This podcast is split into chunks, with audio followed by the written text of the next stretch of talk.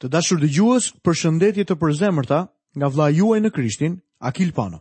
Ju uroj mirëseardhjen në emisionin e sotëm dhe në të njëjtën kohë ju kujtoj që jemi duke studiuar tek Ungjilli sipas Gjonit në kapitullin e 16 të këtij ungjilli. Emisionin e kaluar folëm në të njëjtin kapitull çështjen e ardhjes së frymës së shenjtë ngushëllimtarit udhëheqësit për tek e vërteta.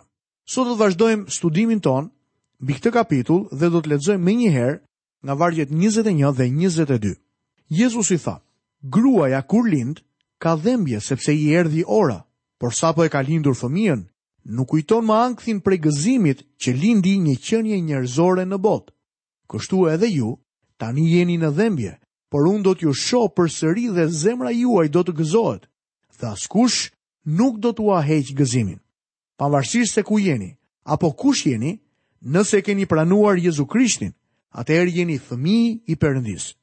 Nëse jeni të pikëlluar dhe sytë i keni plot lot, nëse jeni të trishtuar, nëse ju është thyer zemra, mos u mërzisni sepse gëzimi do të vijë patjetër në agim. Jezusi do të sjellë gëzim në jetën tuaj. Mendoj që kur të shkojmë në prezencën e Tij dhe të shohim jetën që kemi kaluar, E vetmja gjë që do të na ngelë peng do të jetë pse nuk kemi vuajtur më shumë për të. Gëzimi i prezencës së tij do të mbulojë çdo dhimbje që mund të kemi pasur këtu në tokë. Lexojmë vargjet 23 dhe 24. Atë ditë ju nuk do të më bëni më asnjë pyetje. Në të vërtetë, në të vërtetë po ju them se çdo gjë që t'i kërkoni Atit në emrin tim, Ai do t'jua japë. Deri tani ju s'keni kërkuar asgjë në emrin tim. Kërkoni dhe do të merrni që gëzimi juaj të jetë i plotë. Kjo është hera e tretë që Jezusi flet për t'u lutur në emrin e tij. Ne tashmë e kemi parë që fraza në emrin tim nuk është thjesht një formulë që besimtarët i dëgjojmë ta përsërisin shumë herë në lutjet e tyre, në emrin e Jezusit o Atë unë lutem, në emrin e Jezusit o Atë unë kërkoj. Kjo frazë i referohet Jezusit i cili banon në ne. Ju nuk mund ta ngjisni emrin e Jezusit si një etiketë në fund të çdo lutjeje dhe të prisni të merrni atë që kërkuat. Jezusi nuk po thotë këtë gjë. Mbani mend se këta dishepuj nuk i ishin lutur asnjëherë atit në emrin e Jezusit. Ne sot i lutemi atit në emrin e Jezusit. Dikush ndoshta mund të pyesë pse nuk i lutemi Jezusit. Ti mundesh nëse dëshiron, por përse t'i drejtohesh një ndërhyrësi? Jezusi ndodhet në të djathtë të atit dhe lutet për ty. Kjo është arsyeja pse ne duhet t'i lutemi atit në emrin e Jezusit. Lexojmë vargjet 25 deri 27.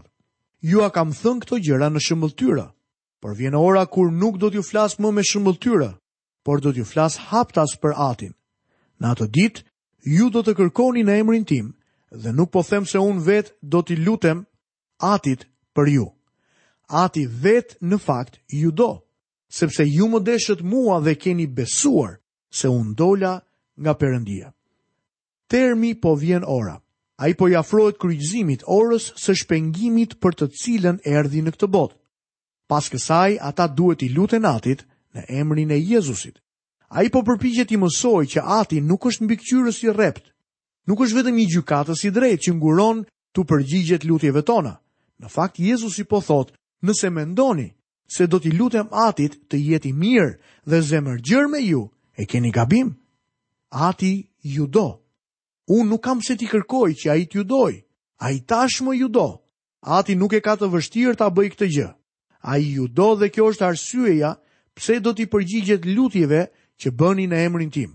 Sot Perëndia dëshiron të dëgjojë dhe t'u përgjigjet lutjeve, por ato duhet të vijnë nga një zemër që e do Krishtin, që është në miqësi me të dhe që i bindet. Lexojmë vargun 28. Unë dola nga Ati dhe erdha në botë. Përsëri po e lë botën dhe kthehem tek Ati. Në përgjithësi është pranuar se vargu kyç i Ungjillit të Gjonit është Gjoni 20, vargu 30 dhe 31. Por do të doja të vendosja pranë tij këtë varg. Biri i përjetshëm i Perëndisë erdhi në këtë botë për një qëllim. të shpengojë njeriun. Kur misioni u përmbush, ai u kthye tek Ati. Kjo është lëvizja në Ungjillin e Gjonit. Jezusi kishte paraqitur një pamje të errët të persekutimit të së ardhmes, por kapitulli mbyllet me fitore. Ky varg është më i madh se Betlehemi, më i gjerë sesa hapësira, arrin deri në përjetësi, përtej kufijve të hapësirës deri në fronin e Zotit. Pastaj flet për ato pak momente që Zoti shpenzoi në këtë tokë. Jezusi erdhi nga përjetësia dhe u kthye sërish në përjetësi. Lexojmë më poshtë vargjet 29 dhe 30. Dishepujt e tij i thanë: Ja, ti tani po flet haptas dhe s'po përdor asnjë shëmbëlltyrë. Tani ne njohim se ti di gjithçka dhe se s'ke nevojë që ndokush të të pyesë. Prandaj ne besojmë se ke dalë nga Perëndia. Duhet të jetë e thjeshtë për ne të kuptojmë se Zoti Jezus është Perëndia i manifestuar në mish. Kjo bindje e palëkundur po vjen në zemrat e dishepujve pikërisht tani. Ata janë të bindur nga faktet. Panë se Jezusi erdhi nga Ati në këtë botë. Ai është Mesia, Shpëtimtari. Gjithsesi, nuk i kuptojnë ende ujërat e errëta të vdekjes përmes të cilave duhet të kalojë dhe as derën e ringjalljes dhe ngjitjes lart në lavdinë e Atit. Ata nuk e kuptojnë akoma këtë gjë. Po ne pas 20 shekujsh, a e kuptojmë vallë? Lexojmë vargjet 31 dhe 32. Jezusi u përgjigj atyre, a besoni tani? Ja, po vjen ora madje tashmë ka ardhur në të cilën ju do të shpërndaheni secili për punë të vet dhe do të më lini vetëm, por unë nuk jam vetëm sepse ati është me mua. Po vinte ora kur të gjithë këta njerëz do të shpërndaheshin. Ata do ta linin Jezusin vetëm. Por në fakt, ai nuk do të ishte vetëm sepse Ati do të ishte me të. Ky është një nga misteret më të mëdha. Perëndia në Krishtin po pajtonte botën me veten e tij. Kjo është e vërteta e madhe biblike. Jezusi në kryq thirri, Perëndia im, Perëndia im, Pse më braktise? Këto ishin fjalë të cituara nga Psalmi 22. Shpjegimi jepet tek Psalmi 22 dhe vargu i tretë, i cili thotë: Megjithatë ti je i shenjti që banon në lëvdimet e Izraelit. Jezu Krishti u bë mëkat për ne. Tek hyjnia pati një çarje, ashtu siç edhe tek veli i tempullit. Pikërisht në atë moment Perëndia ishte në Krishtin duke pajtuar botën me veten e tij. Ky është një mister që mendja njerëzore nuk mund ta kuptojë. Miqtë e mi, ne nuk kemi mend mjaftueshëm për të kuptuar shpengimin që bëri Krishti në kryq. Nuk ishte asnjë mrekulli. Zoti shpalosi mantelin e natës rreth kryqit, sikur të donte të thoshte, ti nuk do të jesh kurrë në gjendje të hysh në atë çfarë po ndodh këtu. Besoj se gjatë epokës së pafund të përjetësisë, ne do të kuptojmë vazhdimisht diçka të re dhe të mrekullueshme në lidhje me vdekjen e Krishtit për ne. Kjo do të na bëjë të ulemi përpara tij të rifreskuar dhe të përtërirë. Lexojmë vargun e 33. Jua kam thënë këto gjëra që të keni paqen në mua. Në botë do të keni mundime, por merrni zemër, unë e munda botën. Jezusi e mbyll këtë kapitull me fjalën paqe. Bijtë e Perëndisë mund të kenë paqe në këtë jetë, sepse paqja gjendet në Krishtin dhe askund tjetër. Ti nuk ke për të gjetur paqe në kishë apo në shërbesat e tjera të krishtera. Paqja gjendet vetëm në personin e Krishtit. Në fakt, paqja nuk është mungesa e shqetësimeve, por paqja është prezenca, është gjendja e Krishtit pranë teje në mes të shqetësimeve. Kam dëgjuar shumë për jetën me fitore. I vetmi që jetoi një jetë me fitore të plotë ishte Krishti. Unë dhe ti nuk mund të jetojmë një jetë të tillë të përsosur. Ne mund ta lejojmë Krishtin të jetojë një jetë të tillë në ne. Kjo është e gjitha. Kur unë dhe ti mësojmë ta identifikojmë veten tonë me Krishtin dhe afrohemi në miqësi me të, atëherë do të fillojmë të përjetojmë paqen e Perëndisë në zemrat tona. Atëherë ne do të marrim zemër. Në botë ka mundime, por në jetën tonë do të ketë gëzim, gëzim dhe paqe. Sa të rëndësishme janë këto të dyja. Jezusi tha, jua kam thënë këto gjëra, që ta keni paqen në mua, në botë do të keni mundime, por merrni zemër, unë e munda botën. Këtu kemi përfunduar studimin e kapitullit të 16 në ungjillin sipas Gjonit dhe menjëherë tani do fillojmë studimin në kapitullin e 17 të këtij ungjilli. Temat që do të shohim këtu janë këto. Lutja e Zotit. Jezusi lutet për veten e tij.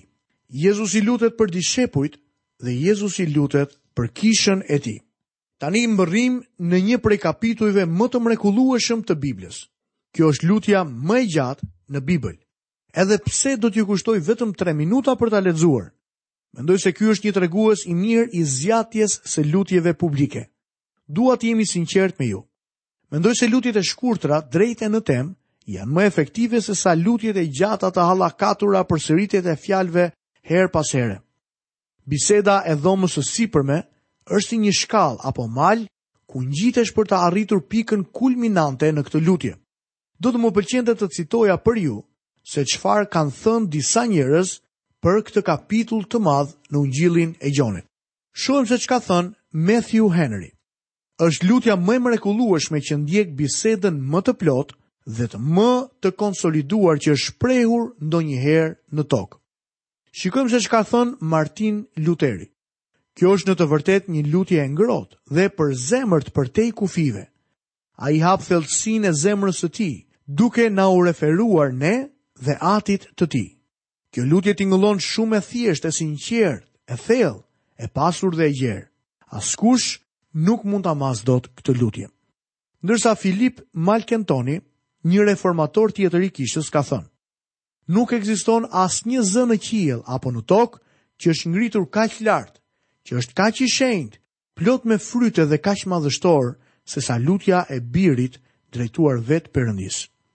Kjo është lutja që John Knox lexoi dhe rilexoi gjatë gjithë viteve të jetës së tij. Kur ndodhej në shtratin e vdekjes, gruaja e tij e pyeti, "Çfarë dëshiron të të lexoj?" Ai iu përgjigj, "Lexo pjesën ku hodha spirancën time, kapitullin e 17 të Gjonit." Shumë vete kanë lexuar dhe rilexuar këtë lutje. Doktor Fisher, një peshkop në Rochester, nën mbretërimin e Henry të Tetë, lexoi këtë pjesë si porcionin e fundit të shkrimit përpara se të martirizohej. Ky është porcioni i madh i shkrimit. Ndihem plotësisht i paaftë për ta trajtuar këtë lutje siç duhet. Është ndërmjetësimi i Krishtit i lartë priftëror për ne. Kjo lutje është për ne një zbulesë komunikimi që mendoj se ndodh vazhdimisht midis Zotit Jezus dhe Atit në qiell. E gjithë jeta e Krishtit ishte një jetë lutëse. Jezus e filloi shërbesën e tij duke shkuar në një vend të vetmuar për t'u lutur. Shpesh ngjitej në mal për t'u lutur dhe kalonte natën në lutje. Ai është ndërmjetësuesi ynë i madh. Ai lutet për mua dhe për ty. Nuk harrove të luteshe këtë mëngjes? Ai nuk harroi. Ai u lut për ty këtë mëngjes. Perëndia i dëgjon dhe përgjigjet gjithmonë lutjeve të Jezusit, pavarësisht se si lutet ai. Perëndia i përgjigjet edhe lutjes sime, por jo gjithmonë pavarësisht nga mënyra ime e lutjes. Ndonjëherë ai duhet t'i përgjigjet lutjes sime me një jo, ose mund ta përmbushë kërkesën time në një mënyrë krejt ndryshe, apo në një kohë tjetër. Gjithsesi, Jezusi tha, O Atë, të falënderoj që më ke dëgjuar. Unë e dija mirë se Ti më dëgjon gjithnjë. por i kam thënë këto gjëra për turmën që të besojnë se ti më ke dërguar. Tani do të doja të vinit re se të lutesh për veten nuk është aspak mungesë modestie apo shenjë krenarie. Besoj se sa herë që shkojmë tek Perëndia në lutje, duhet të rregullojmë së pari zemrat dhe marrëdhënien tonë me Perëndinë. Ne duhet të akordohemi me qiellin. Çdo instrument para se të përdoret, duhet të akordohet. Unë dhe ti, para se të fillojmë të lutemi për të tjerët, duhet të lutemi për veten tonë. Ky nuk është egoizëm, por diçka mjaft thelbësore. Lexojmë në kapitullin e 17 të Ungjillit sipas Gjonit, vargun e parë. Jezusi tha këto gjëra, pastaj ngriti sytë drejt qiellit dhe tha: O Atë, ora ka ardhur. Përlëvdo birin tënd, që edhe biri yt të të përlëvdojë. Jezusi i tha këto gjëra. Cilat gjëra? Kapitujt që sapo kemi kaluar nga 13-ta deri në kapitullin e 16. Tani Jezusi ndalon së foluri me dishepujt dhe fillon t'i flasë atit. Në këtë kapitull Jezusi po i flet atit në favor të tyre dhe në favorin tonë. Ai është ndërmjetësuesi ynë i madh. Kjo është lutja e Zotit, lutja që ai i drejton atit. Lutja në predikimin në mal Nuk është në të vërtetë lutja e Zotit, megjithëse shpesh njerëzit e quajnë lutja e Zotit. Ajo është lutja që Jezusi u mësoi dishepujve. Shumë mirë mund të quhet për shembull lutja e një dishepulli. Kur Jezusi filloi lutjen me O Ati ynë, ai e kishte ndërmend këtë për të gjithë besimtarët. Mënyra se si Jezusi i drejtohej Perëndisë nuk ishte Ati ynë, por ishte ndryshe. Ati im. Gjithsesi, Jezusi e quan Perëndinë atë në një kuptim tjetër. Pas ringjalljes së tij, ai i tha Marisë, sepse ende nuk u ngjita tek Ati im, por shko tek vëllezërit e mi dhe u thuaj atyre se unë po ngjitem tek Ati im dhe Ati juaj, tek Perëndia im dhe Perëndia juaj. Me fjalë të tjera, Jezusi tha, Unë nuk jam ngjitur tek Ati juaj përmes rilindjes shpirtërore dhe tek Ati im për shkak të pozitës time në Trinitet. Kjo pjesë e lutjes nuk mund të ishte kurrsesi për të. Na fal borxhet, mëkatet tona. Jezusi nuk pati asnjë borxh, asnjë mëkat. Ai nuk mund ta bënte atë lutje. Me të njëjtën shenjë, unë dhe ti nuk mund ta bëjmë kurrë lutjen e Gjonit 17. Kjo është lutja e Jezusit, lutja e Zotit. Me sa duket Zoti ynë e bëri këtë lutje ndërkohë që ishte duke ecur.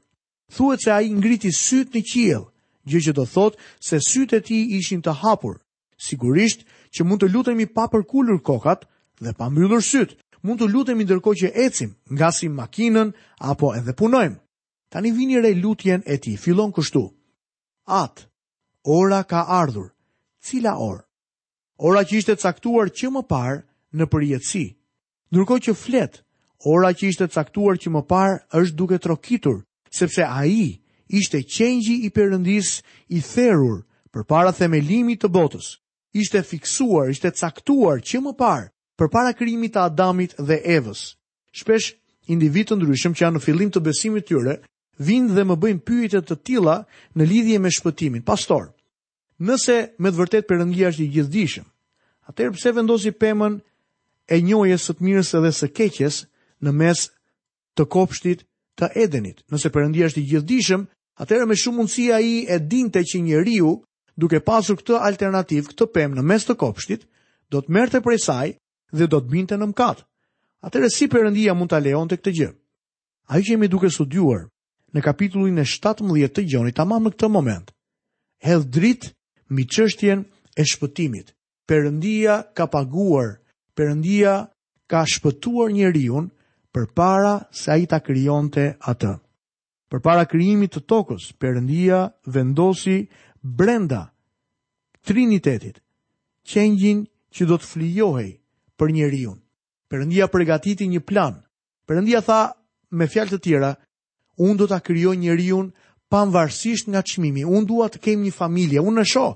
Unë jam në gjendje që të shikoj që njeriu një ditë do të largohet prej meje, megjithëse unë do ta krijoj me duart e mia, megjithëse unë do të derdh frymën time brenda tij, unë do ta pajis njeriun me një nga atributet më të mëdha që ai do ta keqpërdorë me vullnetin e lirë. Dhe me këtë vullnet, me këtë atribut që unë do të delegoj tek njeriu, ai do të më largohet. Ai do të kthejë shpinën e tij ndaj meje. Ai do të braktisë rrugët e mia.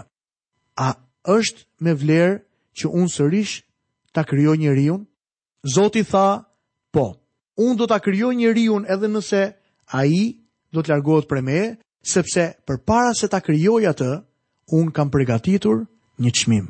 Qengjin që do të japë jetën për racën njerëzore. Dhe tani ora ka ardhur.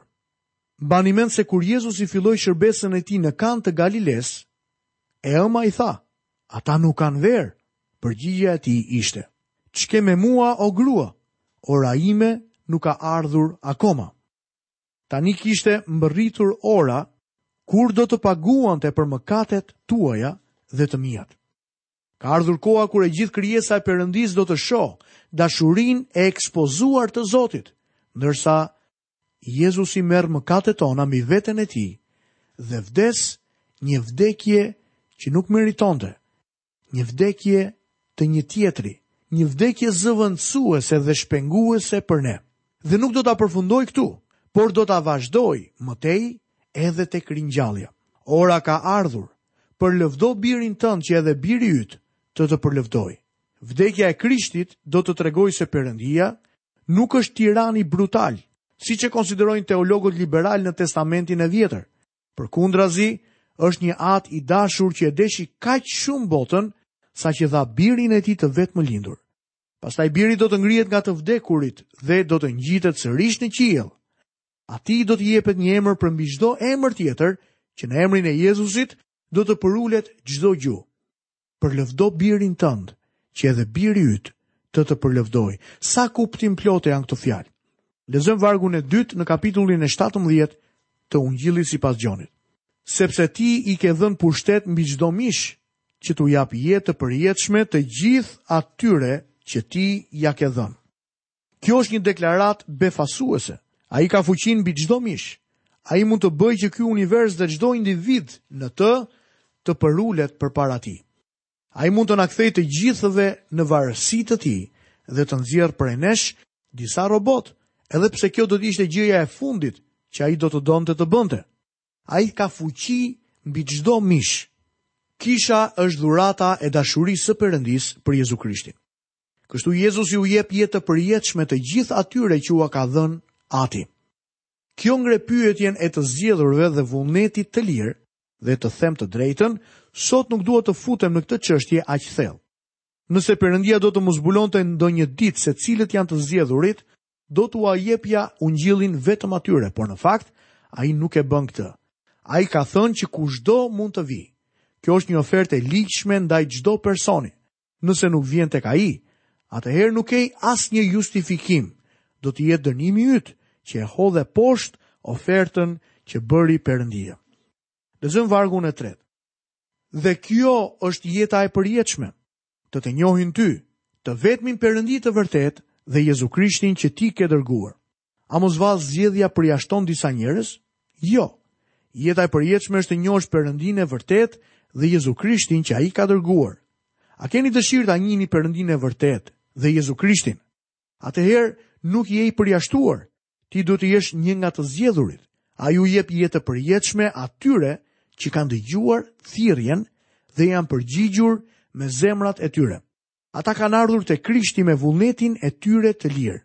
Jezusi tha, "Të të njohin ty."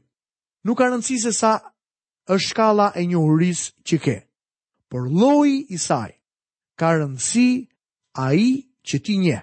A njeh Jezu Krishtin? Në të njëjtën mënyrë, Nuk është e rëndësishme sasia e besimit, por lloji i besimit. Një këngë thotë, vetëm beso, vetëm beso çfarë? I vetmi që duhet besuar është Zoti Jezu Krisht. Dua që të citoj sërisht nga një predikues i famshëm i quajtur Spurgeon. Nuk është gëzimi në Krishtin që më shpëtoi, por Krishti vetë. Nuk është besimi te Krishti, edhe pse ai është një instrument, por është gjaku dhe merita e tij. Krishti të shpëton. Dikush mund të besojë në gjënë e gabuar. Synimi i besimit është i rëndësishëm. Dhe kjo është jeta e përjetshme, të të njohin ty, të vetmin Perëndi të vërtetë dhe Jezu Krishtin. Besimi vjen nga dëgjimi i fjalës së Perëndisë. Çfarë thotë fjala e Perëndisë? Ungjilli thotë se Krishti vdiq për mëkatet tona, se u varros dhe se u ringjall sërish. Këto janë faktet. Besimi është njohja e këtyre fakteve dhe përgjigja jonë ndaj saj. Besimi do të thotë të besosh te Krishti si shpëtimtari yt personal. Jeta e përjetshme është të njohësh Perëndinë dhe Jezu Krishtin. Jezusi është emri i tij si shpëtimtar dhe Krisht titulli i tij si Mesia, mbreti i Izraelit. Të njohësh Zotin do të thotë të rritesh në hirin dhe njohurinë e Krishtit. Lexojmë vargun e katërt. Unë të kam përlëvduar mbi tokë, unë e kam kryer veprën që më ke dhënë të bëj. Zoti Jezus po shkruan raportin e tij të fundit nga toka për Atin në qiell. Ai nuk kishte vdekur akoma në kryq, por për sa u përket gjërave të Zotit, ai po flet për gjërat që nuk janë sikur të ishin. Koha e ardhme për Zotin është po aq e saktë sa edhe koha e tashme. Zoti ynë po shkon në kryq për të vdekur dhe pastaj do të ngrihet sërish. Në kryq ai tha, u krye. Kjo do të thoshte që shpengimi ynë u krye, përfundoi. Ai bëri gjithçka që ishte e nevojshme. Ne mund t'i vëmë një pikë këtu. Nuk mund t'i shtojmë asgjë punës së tij të përfunduar në kryq. Prandaj ungjilli i shpëtimit nuk është ajo çfarë të kërkon Perëndia të bësh, por ajo çfarë Perëndia të tregon se tashmë ai e ka bërë për ty. Është përgjigja jote ndaj ungjillit shpëtues të Perëndisë. Lexojmë vargun e fundit për studimin e sotëm, vargun e 5. Tani pra më përlëvdo, o Atë, pranë teje, me lavdinë që unë e kisha pranë teje, para se të bëhej bota. Tek Filipianët, kapitulli 2, flitet se si Jezusi e zbrazi veten e tij. Disa përpiqen të mësojnë se ai e zbrazi veten nga hyjnia e tij. Gjoni na e bën të qartë se fjala u bë mish. Ajo bebe e vogël në barkun e Marisë ishte Perëndia, që foli dhe ky univers erdhi në ekzistencë. Ai nuk ishte 99.9% Perëndi. Jezusi ishte dhe është 100% Zot. Pra nga çfarë e zbrazi veten Jezusi? Ai e zbrazi veten nga privilegjet e veçanta të hyjnisë. La mënjanë lavdinë e tij qiellore. Në kohën e Krishtlindjes flasim për barinjtë, engjëjt dhe njerëzit e ditur që erdhën ta shihnin. Miqtë e mi, nuk duhet të ketë qenë kështu. Ai është Zoti i lavdisë dhe e gjithë krijesa duhet të kishte qenë atje. Çdo qenie njerëzore në sipërfaqen e tokës duhet të kishte qenë atje. Për funeralin e ndonjë politikani të madh, njerëzit vijnë nga të gjitha anët e botës. E gjithë bota duhet të ketë marrë pjesë në lindjen e Zotit të lavdisë. Por edhe pse me të drejtë mund të kishte pretenduar një nderim të tillë, Krishti e la më një anë lavdinë e tij. Tani ai është gati të kthehet në qiell përmes kryqit dhe ringjalljes përsëri tek lavdia. Të dashur miq, këtu kemi mbërritur në fundin e minutave të emisionit të sotëm. Falenderoj Perëndinë që sot patëm një mundësi të mrekullueshme të mund të ndërtojmë jetët tona në besimin më të shenjtë në fjalën e Zotit. Lutem që gjithë ju të mund të meditoni mbi fjalën e Perëndisë në mënyrë që të jeni si një pemë e mbjellë pranë brigjeve të ujit. Lutem që paqja e Zotit të ruajë zemrat tuaja dhe dashuria e Tij t'ju mbushë. Nga vëllai juaj në Krishtin Akil Pano, paçi të gjitha bekimet e Perëndisë dhe paqen e Tij në jetën tuaj. Bashkë mirudëgjofshim në emisionin e ardhshëm.